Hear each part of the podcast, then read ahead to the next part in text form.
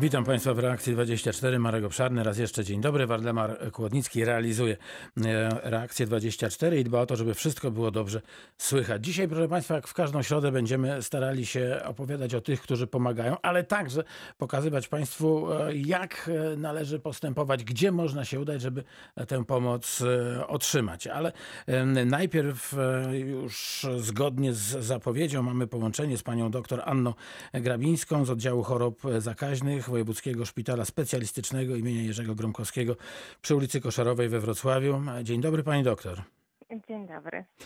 Pani doktor, była pani w gronie 25 medyków, którzy w niedzielę, trzy dni temu, poddali się szczepieniu przeciwko COVID-19. Jak się pani czuje? E, czuję się dobrze. E, nie wydarzyło się nic szczególnego. No, szczepienie przebiega mniej więcej w ten sam sposób jak szczepienia, które przechodziłam dotychczas w swoim życiu.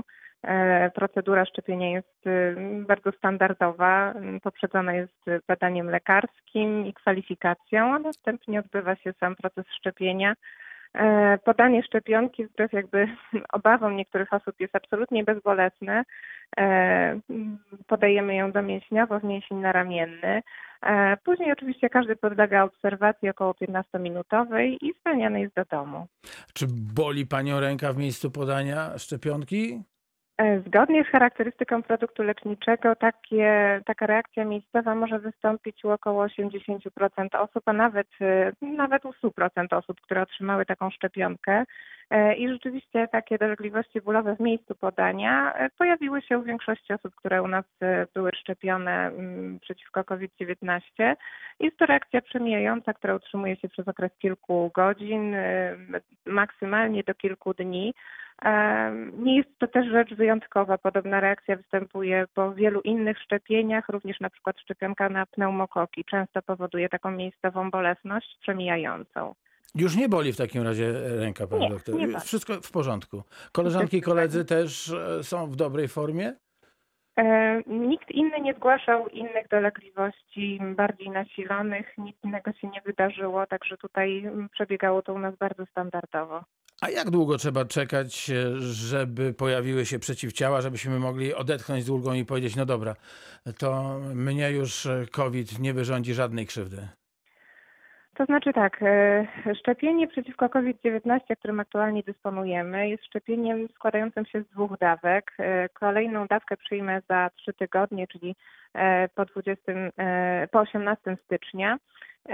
Natomiast jakby teoria zakłada, że mniej więcej 7 do 14 dni po przyjęciu drugiej dawki mój organizm wyprodukuje już e, tą docelową ilość przeciwciał, którą powinnam wytworzyć, aby zapewniła mi ochronę przed e, tą chorobą. Czyli w tej chwili nie jest e, pani bezpieczna po tej pierwszej dawce e, ten wirus? Oby oczywiście nie, e, ale jeśli wniknie, to, to, to może zacząć penetrować komórki. To znaczy już po siedmiu dniach od przyjęcia pierwszej dawki te przeciwciała zaczynają powstawać, mhm. ale to jest proces, że tak powiem, dynamiczny, bardzo zróżnicowany, jeżeli chodzi o całe całą populację szczepioną, czyli są osoby, które mogą odpowiedzieć w sposób natychmiastowy, już po, tych, po tych siedmiu dniach mogą być chronione. Natomiast są też osoby, które potrzebują tych dwóch dawek, y, dlatego też y, jakby ta optymalizacja procesu szczepienia, y, która zmierza do tego, żeby każda osoba, która przyjęła szczepionkę, wytworzyła odporność, no zakłada przyjęcie dwóch dawek. Wiadomo, że u każdego nie będziemy sprawdzali tej odporności, nie będziemy sprawdzali poziomu przeciwciał, więc tak naprawdę nie wiem, czy jestem już chroniona, czy nie, ale żeby dokończyć ten proces i mieć pewność, 95% pewność, bo taka jest skuteczność tej szczepionki, no muszę odczekać jeszcze te 4 tygodnie. Pani doktor Anna Grabińska z Szpitala przy ulicy Koszarowej we Wrocławiu z oddziału chorób zakaźnych. Państwa gościem jest w reakcji 24. Pani doktor, dlaczego tak wiele kontrowersji budzi ta szczepionka? W czym ona jest inna od na przykład szczepionki e, przeciwko grypie? E, no niewątpliwie tutaj takim e, największym czynnikiem, który troszkę dyskredytuje tą szczepionkę w oczach wielu ludzi, jest to, że powstała tak szybko, w tak krótkim czasie. Pierwsze badania gdzieś rozpoczęły się w okolicach stycznia bieżącego roku i niewątpliwie jest to rekordowa prędkość, z jaką wytworzono tego typu preparat. E, natomiast no, trzeba też uwzględnić e, naglącą potrzebę, która kieruje tutaj e, ogromne również środki finansowe w to, żeby te, te badania były przeprowadzone w tempie ekspresowym, dlatego że no, szybkość walki z epidemią jest bardzo istotna. E, I myślę, że to budzi dużo wątpliwości. Dużo osób zarzuca, że nie zostały przeprowadzone odpowiednie procedury, nie zostały mm, zrealizowane wszystkie protokoły bezpieczeństwa, które obowiązują w tym przypadku. Natomiast e, no myślę, że posiadanie wątpliwości, mm, że coś jest nieskuteczne, że coś jest nieprawidłowo wyprodukowane, nie jest niczym złym. Natomiast e, niewątpliwie odpowiedzi na takie wątpliwości trzeba szukać w źródłach autorytarnych, w badaniach naukowych, e, no a nie w internecie, w mediach społecznościowych. Tak więc obiektywne e, źródła wiedzy dowodzą, że rzeczywiście jest to szczepionka, która na chwilę obecną wszystko wskazuje na to, że jest bezpieczna. No, ja e, myślę o takiej oto sytuacji. Przecież ta szczepionka nie powstawała na dziewiczym gruncie. E, my mamy wielodziesięcioletnie e, doświadczenia, e, mówię o ludzkości, nie, nie o sobie, w tworzeniu szczepionek. W związku z tym no, tę bazę, ten fundament mamy. Było na czym budować, więc zastanawia się właśnie, w czym, ta, w czym ta szczepionka jest inna, w czym jest nowsza od tych, które znamy. Pani doktor, czy może to pani jakoś wytłumaczyć? No jest też e, pewna odmienność, jeśli chodzi oczywiście o skład szczepionki, ponieważ szczepionki mRNA są szczepionkami stosunkowo nowymi, czyli jest to szczepionka, która zawiera materiał genetyczny, e, e, który mm, służy produkcji białek wirusa. I niewątpliwie jest to dość nowa technologia. Takie szczepionki funkcjonują już w świecie, na przykład szczepionka przeciwko wirusowi Ebola opiera się na tej samej zasadzie. E, wcześniej Czyli doświadczenia są, też... przepraszam, że wpadam w słowo. Oczywiście, mhm. doświadczenia są i te szczepionki oczywiście są stosowane na dość ograniczonym gruncie ze względu jakby na zasięg tej choroby, natomiast jest to szczepionka, która jakby w swojej teorii jest wręcz dużo bezpieczniejsza niż inne preparaty, na przykład niż preparaty białkowe składające się z elementów wirusa, dlatego że potencjalnie ma szansę wywoływać zdecydowanie mniej reakcji alergicznych, których tak bardzo się boimy w przypadku szczepień e, ponieważ ten materiał genetyczny wirusa, który otrzymujemy, ta, ta, to matrycowe RNA, to jest taka nić, na której bazie budowane jest białko, ale tylko jedno białko, jeden składnik budowy wirusa, który następnie organizm jakby rozpoznaje, uczy się go rozpoznawać i uczy się bardzo szybko na niego reagować, tak by szybko zwalczyć wirusa, tak? Czyli dostajemy jakby nawet nie wirusa, dostajemy jego instrukcję obsługi, tak? Fragment instrukcji obsługi po to, żeby wiedzieć, jak tego wirusa zwalczyć. A, czyli nasz organizm e, dostaje zdjęcie tego bandyty i opis, co mam zrobić, jak go spotkam gdzieś w organizmie? No bardziej, e, bardziej taką mapę topograficzną, e, gdzie ten wirus ma jaki fragment, e, po to, mhm. żeby łatwo i szybko go rozpoznać, tak? Żebyśmy mogli szybko zareagować na tej zasadzie właściwie opierają się zasady funkcjonowania wszystkich szczepionek. Natomiast skład rzeczywiście jest no, nowatorski. Jeśli pani doktor pozwoli, to przywitam teraz na antenie Radia Wrocław panią Bożenę, która się do nas dotelefonowała. Dzień dobry pani Bożeno. Dzień dobry. Chciałabym się zapytać, bo jestem osobą fizyczną i mhm. pracuję właściwie tak po południach. I czy po zaszczepieniu, y, czy ja mogę dalej, no ta ręka, jeżeli trochę się odczuwa ból, y, czy mogę no, pracować, czy powinnam raczej mieć jakieś wolne, czy no, pod tym względem chciałabym Czyli Pani Bożena, Pani pracuje fizycznie, tak? Używa tak, Pani tak. tej ręki do, mhm. do, do tak, pracy. Tak, Czy tak. szczepionka może, może przeszkodzić w wykonywaniu obowiązków? Tak, Pani doktor. Jest to reakcja, której nasilenie bardzo trudno jest y, przewidzieć i oczywiście może być tak, że te dolegliwości po szczepieniu mogą utrudnić Pani pracę, natomiast y, jakby nie ma y, tutaj podstaw do tego, żeby Mm, od razu założyć, że będzie się pani czuła źle, tak? Mhm. E, ponieważ no, ta bolesność w moim przypadku e, no, była tak miernie nasilona, że gdybym miała ochotę i możliwość pójść na przykład powspinać, to zrobiłabym to, tak? Mhm. No e, Także taka praca, wysiłek ze strony właśnie e, kończyn górnych spokojnie byłabym w stanie podjąć. Natomiast w mhm. sytuacji wystąpienia jakichkolwiek działań niepożądanych po szczepieniu, oczywiście zgłasza się Pani do lekarza rodzinnego, który w takiej sytuacji mhm. powinien Pani udzielić zwolnienia lekarskiego. Natomiast e, no oczywiście będzie Pani wzywana na szczepienie w jakimś wybranym terminie, który też będzie podlegał powiedzmy jakiejś negocjacji i warto jest Mhm. zaplanować to tak, żeby kolejnego dnia nie mieć zaplanowanego e, jakiegoś bardzo silnego wysiłku fizycznego, tak, żeby to też dostosować do swojego mm, planu życiowego. Dobrze, dziękuję bardzo. Dużo zdrowia odpowiedź. Pani Bożeno. Wszystkiego dobrego na nowy, Nawzajem na nowy rok. również. Szczęśliwego nowego roku. Do Ja, a, a ja życzę, żeby ten 2020 był gorszy od następnego. No to mamy nadzieję, że, że wtedy będzie dobrze. E, Pani doktor Anna Grabińska z oddziału chorób zakaźnych Wojewódzkiego Szpitala Specjalistycznego im. Jerzego Gromkowskiego przy ulicy Koszarowej we Wrocławiu jest Państwa e, gościem. Na koniec zapytam, bo lekarze zakaźnicy pewnie śledzą e, to z dużym, dużym, ogromnym zainteresowaniem. Pojawia się na horyzoncie lek e, przeciwko koronawirusowi? Czy będziemy jednak e, skazani, tu w dużym cudzysłowie to powiedziałem, w cudzysłowie, przepraszam, weźmy to, co rzekłem, na, na, na szczepionki, a badania trwają nad kolejnymi kilkudziesięcioma preparatami. No, bardzo niefortunne sformułowanie. To, to, to proszę wyprostować mnie. Skazani.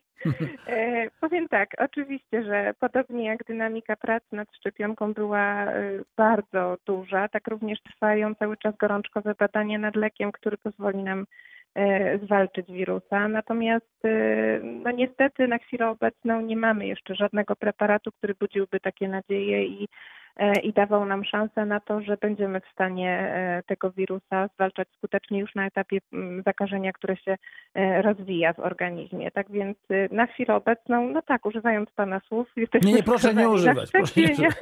Nie ma. No tak, bo jednak wielu, wielu obawia się tych szczepień.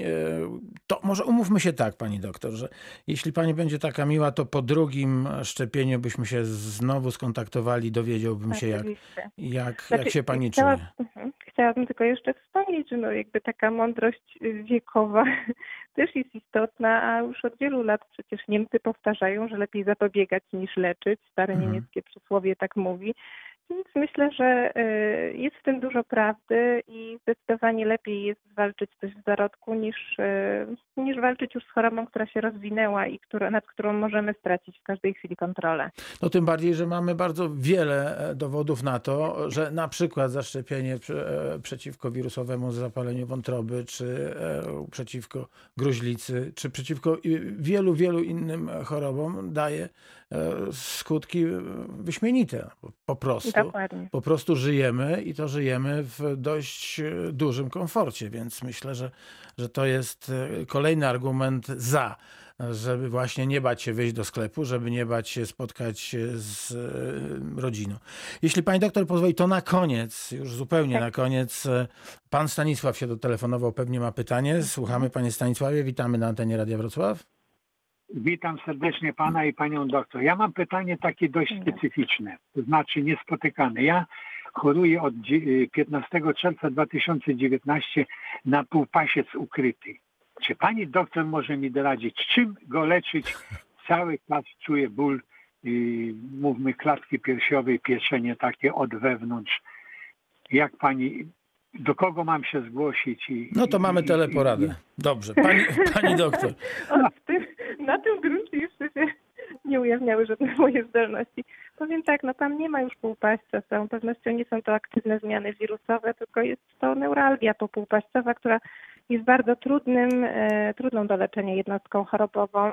Niestety im dłuższy jest czas od pojawienia się dolegliwości bólowych, tym trudniej z nimi walczyć.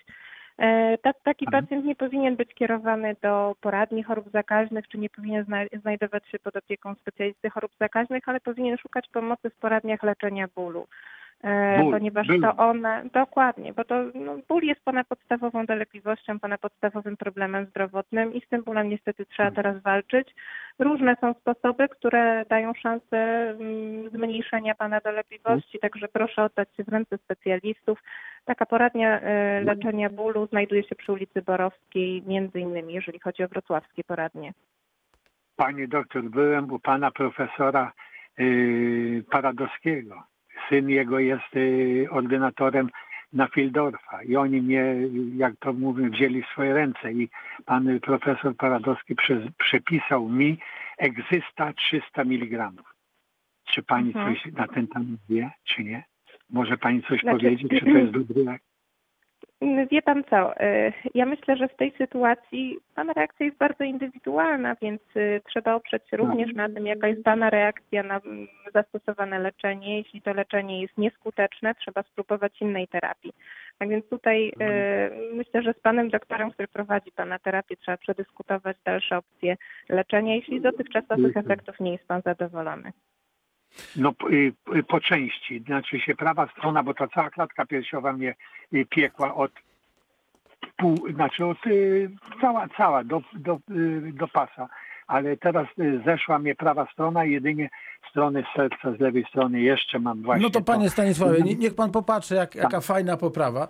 To jak ja będę panu życzył, żeby 2020 był gorszy od 2021, no to znaczy, że w 2021 ta e, druga część klatki piersiowej ozdrowieje. Proszę e, się trzymać ciepło, wszystkiego dobrego na nowy rok i rzeczywiście, tak jak mówi pani, e, pani doktor, z panem profesorem, z lekarzem prowadzącym e, konsultować, mimo wszystko postępy w leczeniu.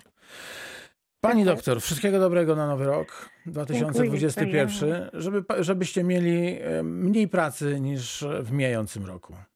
To wtedy, też wtedy sobie mo, można przyjąć, że, że pandemia się będzie wycofywać. Pani doktor Anna Grabińska z oddziału chorób zakaźnych Wojewódzkiego Szpitala Specjalistycznego imienia Jerzego Gromkowskiego przy ulicy Koszarowej we Wrocławiu była pierwszym gościem Reakcji 24. Wszystkiego dobrego raz jeszcze. Dziękuję, do usłyszenia.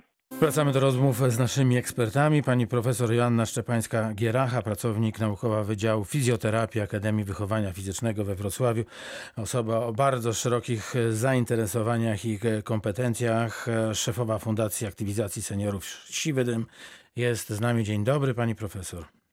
Dzień dobry panie redaktorze, dzień dobry państwu. Co to jest telerehabilitacja?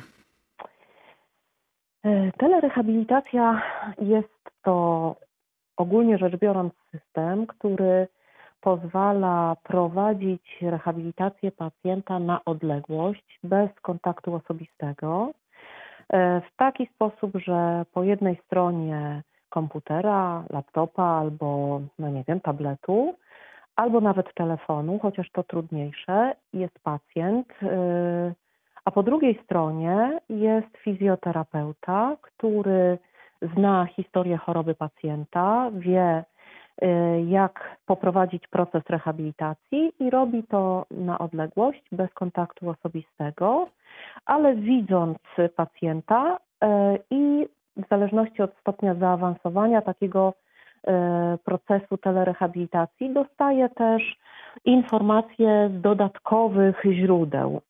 Y, Na przykład jeśli jest to telerehabilitacja kardiologiczna, no to ma wyniki z monitora pracy serca chociażby.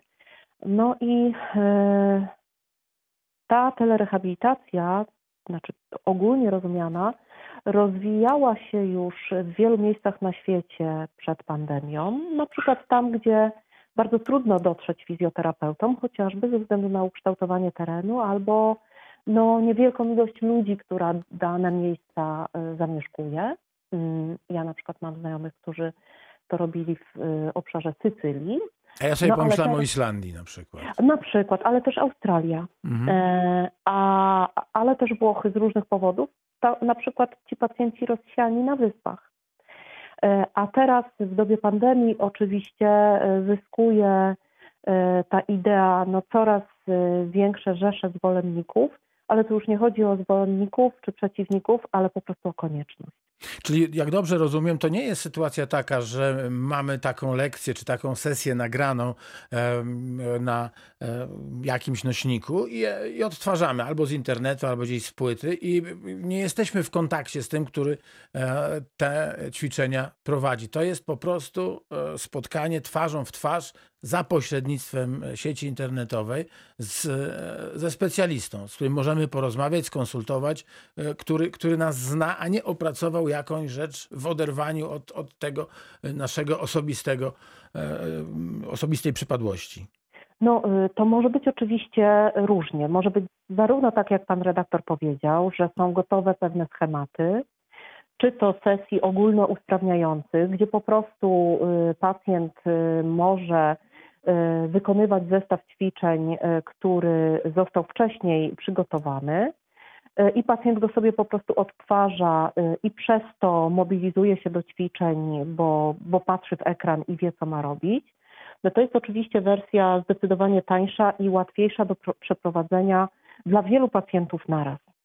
No ale bardziej zaawansowane systemy, nad którymi y, obecnie się pracuje w wielu krajach europejskich, na całym świecie, ale też w Polsce, między innymi jako członkini Polskiej Akademii Nauk, również wydaliśmy takie stanowisko, żeby w Polsce więcej energii, y, również naukowców, ale też pieniędzy poszło w najbliższym czasie y, w tym kierunku, żebyśmy opracowywali systemy telerehabilitacji.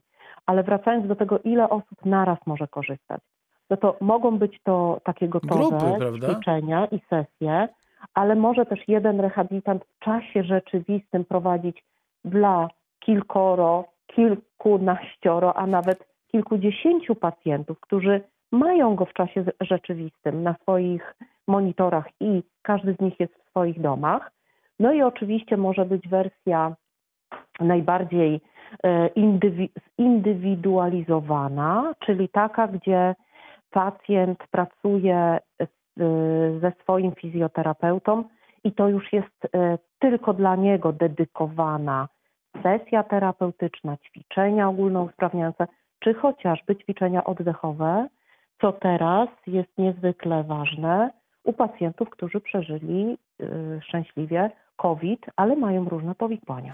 No właśnie, pomyślałem sobie, że rzeczywiście część zajęć, no tak jak e, normalnie e, chodziło się na rehabilitację, one były w grupach, to można było Tak. rzeczywiście prowadzić w grupach, a w e, tych przypadkach, które wymagają zupełnie osobistego podejścia, no to wtedy Mhm. są konsultacje, nie wiem, 15-minutowe, gdzie tłumaczy się, czy, czy, czy, czy ten pacjent dostaje taką mapę drogową, co ma robić, Mhm. żeby było, żeby było lepiej. Nie wiem, czy pani profesor podzieli moje zdanie, ale kiedy panią słuchałem, pomyślałem sobie, że bardzo wiele e, mamy temu wirusowi za złe i słusznie. Natomiast też wiele rzeczy będziemy pewnie tej pandemii zawdzięczać, bo sądzę, że jak ona się skończy, oby jak najszybciej, no to te formy, e, które były do tej pory niszowe, e, zostaną z nami na zawsze i okażą się pewnie niezwykle przydatne. No Jak choćby ten, tak. ta telerehabilitacja, która y, przy na przykład cięższych przypadkach nie będzie wymagała dowiezienia pacjenta, przywiezienia pacjenta, tak, tylko on będzie mógł te pierwsze, te pierwsze kroki usprawnić u siebie w domu. Zdecydowanie tak. Tu mowa zarówno o osobach, e, które z powodu stopnia niepełnosprawności wymagałyby na przykład jakiegoś specjalistycznego transportu do placówki. Dla nich wtedy w no, dotychczasowych warunkach możliwy był tylko pobyt stacjonarny, a teraz być może ze współpracą rodziny taki proces rehabilitacyjny e, mógłby być możliwy. Tak jak mówię, no tutaj naprawdę tu są potrzebne zespoły specjalistów, które razem będą współpracować i takie programy telerehabilitacyjne opracowywać. One w Polsce chyba najczęściej są obecnie obecne, nie tylko mówię y, przed, przed pandemią, to w obszarze kardiologicznym, gdzie pacjenci monitorowani e, e, pod względem pracy ich serca wykonują różne treningi i te dane są przekazywane do takiego centrum monitorującego ich stan zdrowia, no i też w razie czego lekarz specjalista jest alarmowany, gdy z sercem dzieje się coś poważnego i pacjent wymaga natychmiastowej pomocy. To z, z mojej wiedzy wynika, że chyba do tej pory najbardziej zaawansowaną telerehabilitację, jeśli chodzi o, o, o o moją wiedzę to była kardiologia, ale teraz z pewnością na- nastąpi rozwój, zarówno dla tych, którzy z różnych powodów ograniczeń fizycznych nie mogą się dostać e, do lekarza, no ale też przecież osoby e, w kwarantannie, nie mogące wyjść ze swojego domu z różnych powodów, bo na przykład e, boją się zarazić swoich członków rodziny albo sami e, są w tym okresie. Naprawdę wydaje mi się, że za rok, dwa, trzy e, będziemy mieli naprawdę rozkwit e, różnych modeli telerehabilitacji i że to się nie stanie ze szkodą dla pacjenta. Oby jak najszybciej. Pani profesor, e, za chwileczkę wrócimy do naszej rozmowy. E, Proszę Państwa, pierwsza część reakcji 24 za nami. Państwa gościem w reakcji 24 jest pani profesor Joanna Szczepańska-Gieracha, pracownik naukowa Wydziału Fizjoterapii Akademii Wychowania Fizycznego we Wrocławiu. E, Pani niezwykle e, mocno interesuje się wpływem e, psychiki naszego wnętrza na nasze zewnętrzne, czyli na nasze ciało. Już wiemy, że że zdrowe ciało e, będzie wspomagane, e, że ta e, telerehabilitacja będzie się rozwijać, ale jeśli chodzi o ducha, to mm, również dzięki pracy naukowej pani profesor mamy już mamy już takie programy, które no, pomogą nam stać się bardziej krzepkimi psychicznie. E, krzepkimi, a, a może po prostu powrócić e, do stanu równowagi, z którego e, pandemia nas wybiła. No z różnych powodów. Jedni, bo boją się o swój byt i nie mają pracy, inni, bo są uwięzieni w domach, tak jak starsze osoby i boją się z tych domów wychodzić, a jeszcze inni utracili jakąś równowagę psychiczną, bo po prostu tych obowiązków obecnie mają znacznie, znacznie więcej pracę zdalną w domu, dzieci e, szkołę zdalną w domu i, i po prostu po, po, połączyć to wszystko razem może być bardzo, bardzo trudno. Także w mojej ocenie e, wiele bardzo różnych grup społecznych obecnie potrzebuje wsparcia e, po to, żeby chociażby ten taki codzienny poziom stresu trochę obniżyć, trochę dostać wytchnienia takiego psychicznego. To jak pani profesor pomaga tym, tym osobom, które takiej pomocy by oczekiwały? E, Ja się dość aktywnie włączyłam e, w działania Polskiego Instytutu Eriksonowskiego, gdzie wraz z innymi nauczycielami psychoterapii i terapeutami stworzyliśmy cykl nagrań terapeutycznych. Ten cykl nagrań nazywa się Chwile Wytchnienia i jest obecny zarówno e, na Spotify, jak i na YouTubie. E, Wbijając hasło Chwilę Wytchnienia, mamy dostęp do nagrań e, różnych terapeutów na różne tematy. To są nagrania zwykle kilkunasto, może dwudziestominutowe, z których można korzystać, żeby sobie po prostu pomóc wrócić do równowagi psychicznej. A osobiście, e, jako ja i jako Fundacja Siwy Dym, stworzyliśmy własny kanał na YouTubie, z którego mam nadzieję coraz więcej osób potrafi, również tych osób starszych potrafi korzystać. I tam, To jak się tam e, dostać? To przepraszam, że po wpadłem. prostu Pisać siwy dym?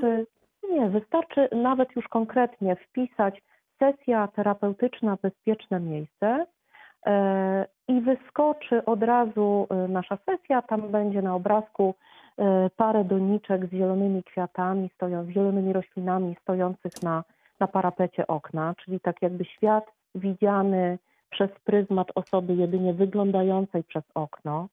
To jest e, kilkunastominutowe nagranie, które ja opracowałam w tej wczesnej fazie pandemii, kiedy jeszcze myśleliśmy, że lockdown potrwa 2-3 tygodnie i żeby go jakoś wytrwać, no ale teraz już wiemy, że, że jest kolejny lockdown, że to cały okres pandemii przedłużył nam się o ładnych kilka miesięcy, no i ciągle nadal nie wiadomo co dalej. Więc y, ona jest nadal aktualna. Y, Jak sobie czasem tam zaglądam i widzę 7 prawie tysięcy wyświetleń, to myślę sobie dobrze, dobrze, że powstała, dobrze, że ludzie korzystają, dobrze, że jest bezpłatna. No i to, co ja mogę o niej powiedzieć oraz na, o nagraniach y, wywodzących się z Polskiego Instytutu Eriksonowskiego, to to, że to są nagrania naprawdę stworzone przez profesjonalistów, a nie ludzi, którzy myślą, że się na tym znają. To są certyfikowani terapeuci, w większości przypadków nauczyciele psychoterapii. W związku z tym osoby, które praktykują tego typu interwencje, do tej pory indywidualne, prowadzone z pacjentem, a teraz e, zdigitalizowane i udostępnione dla wszystkich, którzy tego potrzebują. No bo przeróżnych nagrań, medytacji i różnych, e, mm, powiedziałabym, wytworów ludzkiej wyobraźni w internecie znajdziemy dużo. ale tak naprawdę tylko specjalista potrafi ocenić ich jakość, ale też bezpieczeństwo dla użytkownika. Więc radziłabym korzystać ze sprawdzonych y, miejsc, takich jak y, kanał Fundacji Siwy Dym albo kanał y, Polskiego Instytutu Eriksonowskiego, bo wiemy na pewno, że tworzyli je profesjonaliści. A to, co myśmy jeszcze zrobili z naszą sesją, ponieważ ona ma mieć zadanie terapeutyczne, ale też relaksacyjne, to za pomocą monitora pracy serca sprawdzaliśmy na żywym organizmie, czy rzeczywiście podczas słuchania tej sesji dochodzi do uspokojenia organizmu, czyli do e, zwolnienia niewielkiego rytmu pracy serca, zwolnienia oddechu, który e, jakby jest taką cielesną manifestacją tego, że uspokoił się nasz układ nerwowy. Ta nasza sesja dosta, została jeszcze sprawdzona właśnie pod tym kątem takim czysto fizjologicznym. Czyli były Wiemy, prowadzone badania, Tak, tak by można rzec, e, Tak. dotyczące skuteczności tego Tak. przedsięwzięcia. Proszę Państwa, mam bardzo dobrą wiadomość. Otóż w wyszukiwarce wpisałem tylko bezpieczne miejsce. I Mhm. e, w zakładce wideo na miejscu e, trzecim bezpieczne miejsce, sesja terapeutyczna, YouTube, Fundacja Siwy Dym. Czyli tak. Nawet tak. jeśli tylko Państwo zapamiętali siwy dym, a to myślę, że po, powiedzonko samo wchodzi do głowy e, i bezpieczne miejsce, to, to już do tego materiału droga jest prosta. Otwarta. Tak, bardzo często otwarta. mówimy, bardzo często mówimy, to już na koniec taka dygresja o tym, że trzeba pomagać osobom starszym, że trzeba pomagać osobom samotnym, ale też myślę, że trzeba pomagać ich rodzinom, bo przecież jakie na- napięcie, to też święta pokazały, jest w rodzinach, kiedy to nie pojedziemy na Wigilię do babci i dziadka, żeby ich nie Tak. zarazić. I, Tak. i, I ten wstrząs, e, widziałem to na własne oczy. E, U młodego dziesięciolatka był, no powiedzmy, taki dość, dość poważny. Pewnie, że sobie dał radę, bo e, był grzeczny i przyszedł do niego Mikołaj. No to, to wiadomo, że ten, e, że ten smutek został jakoś tam ukojony. No ale, ale to są te dwie strony medalu. Ci, ci starsi, którzy czasami zostają sami, ci chorzy, którzy są w szpitalu Tak. i nie mogą liczyć na odwiedziny. To- Ale też chorzy, którzy są w domu Prawda? i y, wiedzą, że no, w zasadzie muszą liczyć na siebie, że system opieki zdrowotnej jest przeciążony i że najlepiej by było przechorować i wyzdrowieć w warunkach domowych. No ale przecież wtedy liczą tylko na siebie w dużej mierze. No oczywiście na zdalną opiekę lekarza również.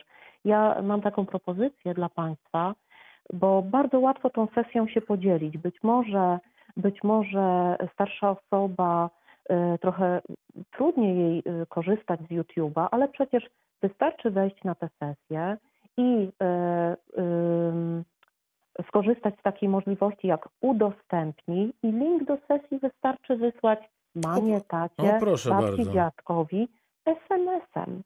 Mhm. Do, y, osoba, która otworzy tego SMS-a, no a ma telefon komórkowy z podłączeniem do internetu, y, naciska na link, klika sobie na ten link, czy tam po prostu go uruchamia i może skorzystać z tej sesji bezpłatnie, na odległość, no te kilkanaście minut otuchy, spokoju, y, y, może być taką naszą, y, takim naszym prezentem, taką naszą pocztówką na święta, żeby można było z tego wielokrotnie korzystać. Bardzo dziękuję pani profesor. E, Gościem państwa była pani profesor Joanna Szczepańska-Gieracha, pracownik naukowy Wydziału Fizjoterapii Akademii Wychowania Fizycznego we Wrocławiu, ale także prezeska Fundacji Aktywizacji Seniorów Siwy Dym. Mam nadzieję, że jeszcze, że jeszcze się spotkamy, żeby porozmawiać o tym psychicznym aspekcie fizycznych e, dolegliwości. Za dzisiejsze porady i pomoc bardzo dziękuję. Ja również bardzo dziękuję. Do widzenia. Dużo zdrowia życzę. Wszystkiego dobrego na nowy rok. W każdą środę w reakcji 24 podpowiadamy Państwu, co e, można uczynić, e, żeby pomóc tym, którzy tej pomocy wymagają, czasem nawet nie wiedząc, że jest im potrzebna. Pan doktor Maciej Kamiński, zastępca dyrektora do spraw medycznych Wojewódzkiego Zespołu Specjalistycznej Opieki Zdrowotnej jest teraz z nami. Dzień dobry, panie doktorze.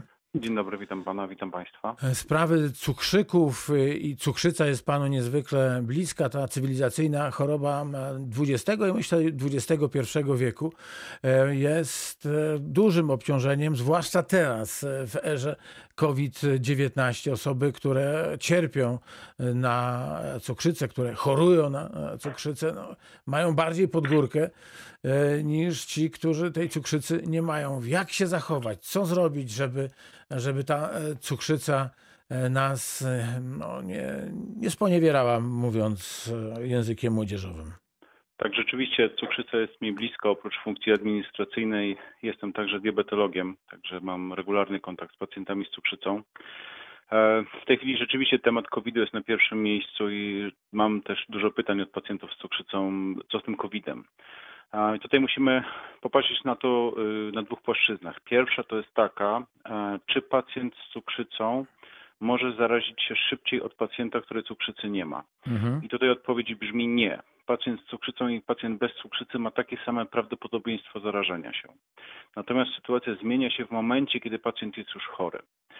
Jest udowodnione, że każdy pacjent, który ma cukrzycę, która jest niewyrównana, i to jest bardzo ważne sformułowanie, jest niewyrównana, E, niestety gorzej przechodzi choroby. Dotyczy, dotyczy to również COVID-u. Dlatego mm, jeżeli mm, boimy się, że mając cukrzycę będziemy mieli problem z przejściem COVID-u, to podstawowa rzecz, jaką możemy zrobić, to jeszcze raz pochylić się i sprawdzić, czy ten cukier jest po prostu dobrze kontrolowany. No właśnie, a jak dobrze kontrolować e, cukier? Są e, tacy chorzy, którzy nie, lubię, nie lubią, no nie, nienawidzą wręcz tego, tego ukucia i trzeba z nimi walczyć. Oni twierdzą, że ja się dobrze czuję, to co? Ja będę sprawdzał, ile mam tego cukru. No mam dobrze, no. Tak, dokładnie. To, to naprawdę to jest, taki, to jest taki paradoks, ponieważ cukrzyca na początku nie boli. Tak? To znaczy pacjent, który ma cukrzycę, może nawet nie wiedzieć o tym, że ma. A najlepszym przykładem są statystyki. W Polsce około 3 milionów pacjentów ma cukrzycę, z czego milion o tym nie wie. On nie wie, ponieważ nie czuje. Jedna trzecia to ogromny odsetek. To, to jest, tak, to jest bardzo dużo. I, a wystarczyłoby, żeby raz do roku zrobić sobie cukier, nawet z palca, cukier nadczy z laboratorium. Jeżeli on przekracza 100, to znaczy, że mamy problem i musimy go poszerzyć. No ale też wielki apel, żeby ten cukier raz do roku zrobić, to jest bardzo tanie badanie, a naprawdę może bardzo pozytywnie wpłynąć na przyszłość. A możemy, a możemy kupić taki zestaw jednorazowy na przykład w aptece?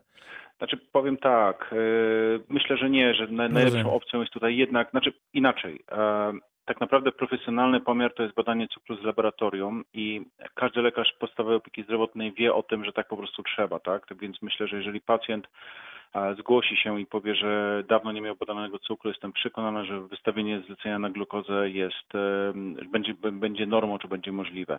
W ostateczności można doraźnie spróbować poprosić o pomiar e, cukru z palca glukometrem w, w przychodni.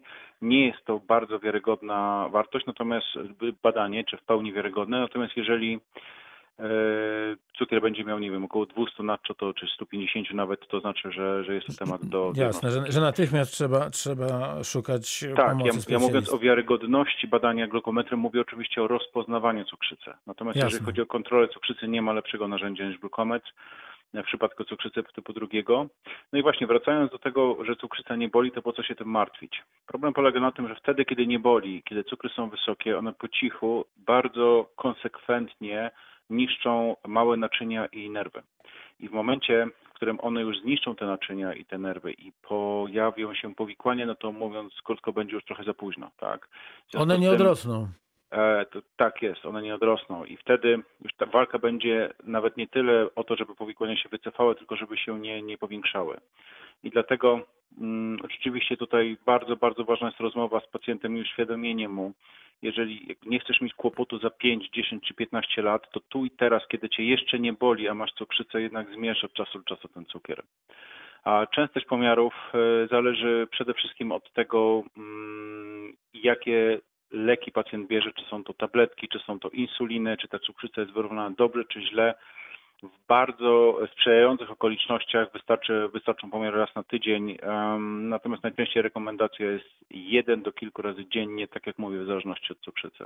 No tak, i w, jak przekonać w takim razie już chorego na cukrzycę, który no, stwierdził, popatrz, ja mam fantastyczny cukier, już siódmy e, dzień, czternasty dzień, popatrz, wszystko jest dobrze, to po co ja mam się, się kłuć? To nie, ja nie będę. Właśnie po to, żeby tak zostało. Aha. Właśnie po to, żeby tak zostało. Tak zwane czynniki ryzyka, czyli rzeczy, które wpływają na rozwój cukrzycy, to jest nie tylko y, otyłość, y, styl życia czy geny, ale to jest także wiek. Czyli pacjent z idealnie wyrównaną cuk- cukrzycą tylko dlatego, że się, mówiąc krótko, starzeje, ta cukrzyca może się znowu zepsuć.